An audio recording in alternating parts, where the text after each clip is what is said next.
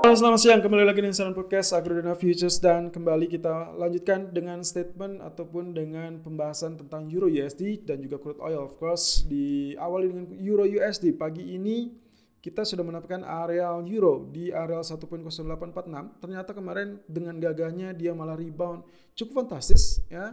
Areal yang disentuh ternyata mencapai 1.0882 well tidak terlalu jauh berbeda sebetulnya karena kita kemarin memprediksikan dia akan ada uh, sekitar 40-an ya 1.0840 ternyata dia lewat bahkan mencapai area 1.0880 ya kita lihat dari dari polanya. Ternyata lagi-lagi area support menahan penurunan ya. Ternyata kemarin perhitungan kita meleset empat kali ujian. Ternyata empat kali pula dia cukup kuat. Dan bahkan kemarin terakhir dia diuji sempat menyentuh 1.2 atau 1.0785 ya Ternyata itu masih cukup kuat dan dia rebound. Ditutup dengan area 1.0846,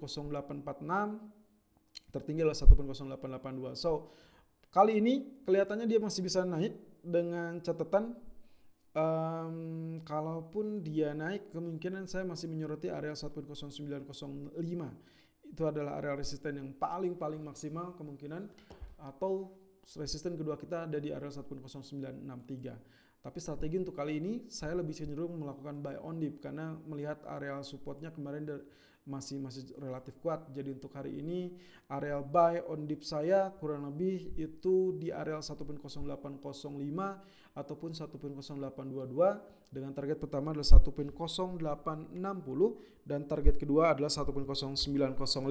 Dan uh, menurut data ekonomi kalender yang akan muncul sore ini jam 4 industrial production monthly yang diprediksi menurun di angka minus 12. Sebenarnya outlooknya ini secara data masih relatif turun ya, e, negatif ya.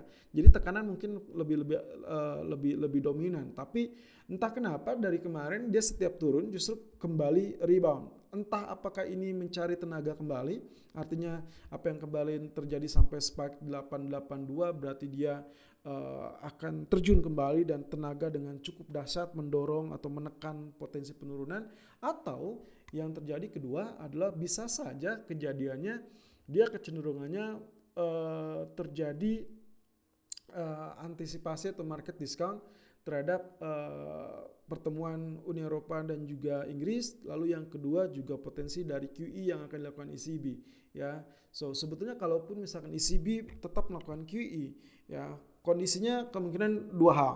Ya, kondisi pertama adalah dia dianggap atau diasumsikan melanggar konstitusi Jerman sehingga Jerman tidak mungkin ikut, berarti daya ledaknya kurang kuat, ya. Atau yang kedua dia tetap berjalan tanpa Jerman pun dia tetap mendapat sokongan uh, ataupun mendapat support lain dari Prancis terutama negara yang bisa diandalkan, ya tapi apakah Prancis sekuat Jerman atau tidak, saya agak meragukan ya. Tapi kurang lebih seharusnya normalnya ECB mengeluarkan QE berarti kemungkinan potensinya akan terjadi penguatan untuk euro ya karena stimulus yang dilakukan itu kurang lebih untuk men, ya setidaknya memperkuat kondisi ekonomi ya. Well, untuk hari ini buy on dip yang tadi saya sebutkan dengan stop loss di 1.0748 ya. So, untuk crude oil kembali Crude oil menembus area 25 dolar per barel, bahkan tadi malam sudah sempat menyentuh area 26 dolar per barel. Wow, fantastis ya. Saya ucapkan selamat untuk Anda semua yang kemarin sempat memfollow suggestion untuk melakukan buy. Dan juga dalam dua pekan terakhir saya sempat mempromosikan inverted head and shoulder ataupun dari pola wave ABC dari Elliott wave sebelumnya dilanjutkan dengan inverted head and shoulder ya. So kali ini bagaimana? Lagi-lagi area order shouldernya ternyata memang sepertinya sudah confirm akan uh, sudah berada di atas area left shouldernya ya.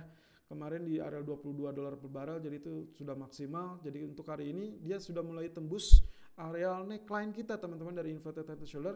Strateginya dua. Kalau hari ini ternyata dia uh, tembus duluan ya area resisten silakan follow buy. Tapi kalaupun misalkan dia turun dulu, itu adalah kesempatan Anda untuk melakukan buy on dip ya. Di hampatnya anyway, kemarin kita me mengira ini lebih kepada uh, symmetrical triangle. Ternyata kali ini saya malah melihatnya lebih kepada ascending triangle teman-teman. Ya di grafik keempat detailnya Anda bisa lihat langsung ke channel YouTube kami dan keterangan inverted hand shoulder saya sudah sertakan di situ lalu kemudian kondisinya di H4 adalah ascending triangle. Dan catatannya adalah breakout adalah bullish continuation confirmation. Jadi kemungkinan dia akan akan menembus area resisten. Dan itu kalau misalkan uh, tembus berarti Anda bisa melakukan buy on breakout.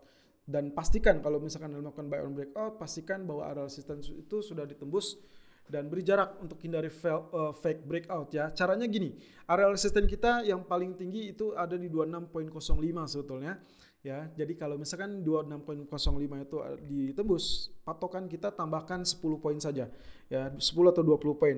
Tapi saya rasa uh, cukuplah 10 poin ya. Jadi 26.15 kalau itu terjadi langsung buy ya, follow buy, target sesuaikan uh, at least mungkin 50 ataupun 100 poin maksimal itu akan terwujud. Ingat bahwa kemarin saya sempat di sudut pandang agrodana menyampaikan pekan ini mungkin muncul 27 ataupun 28 dolar per barel ya. Lalu informasi lainnya adalah secara kondisi fundamental kemarin yang saya sampaikan bahwa Arab Saudi sudah menegaskan bahwa dia akan memperpanjang untuk uh, pemangkasan produksi termasuk juga extend uh, cutting production ya memangkas produksinya untuk internal Arab sendiri itu di bulan Juni ya untuk kontrak bulan Juni dia akan melakukan uh, uh, pemangkasan lebih lanjut. Jadi ekstra ya di luar dari kesepakatan yang dilakukan oleh uh, OPEC Plus. Jadi ada ada ekstranya dan pagi ini saya juga mendapatkan sesuatu hal yang cukup mengembirakan yaitu di mana nanti malam data rilis adalah data EIA Crude Oil Stock Change. Sayangnya tidak dikeluarkan prediksinya seperti apa, tapi kurang lebih di sini dikatakan begini teman-teman. Jadi ada kecenderungan ya uh, minyak mentah utama ini uh, lebih besar dari yang diharapkan ya, tapi persediaan di pusat pengiriman WTI World uh, Texas Index ya istilahnya stok di supply atau supply di Cushing itu turun 2,26 million barrel ya. Dan kalau ini dikonfirmasi oleh IAE nanti malam rilis datanya ya waktu Indonesia bagian barat di jam 21.30 maka kemungkinan ini adalah akan menjadi penarikan inventory pertama di Cushing ya Cushing di pusat pengiriman WTI sejak bulan Februari.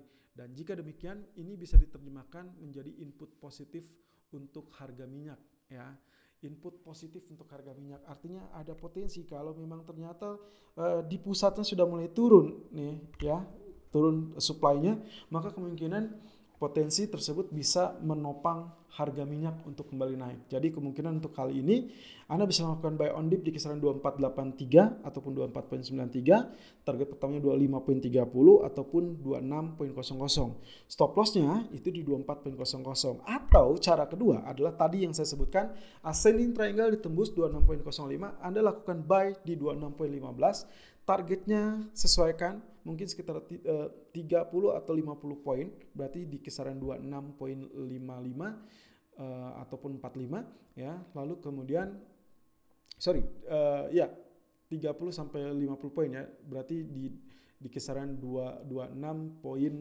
uh, 45 ataupun 65 lalu kemudian uh, TP kedua mungkin saja kita akan mendapatkan area 27 dolar per barel segera ya tapi uh, ingat bahwa apa pun yang terjadi Anda tetap harus menggunakan stop loss ya. Dan itu kurang lebih ulasan untuk hari ini. Semoga bermanfaat dan selalu gunakan stop loss dan risk management sesuai dengan equity dan strategi trading Anda.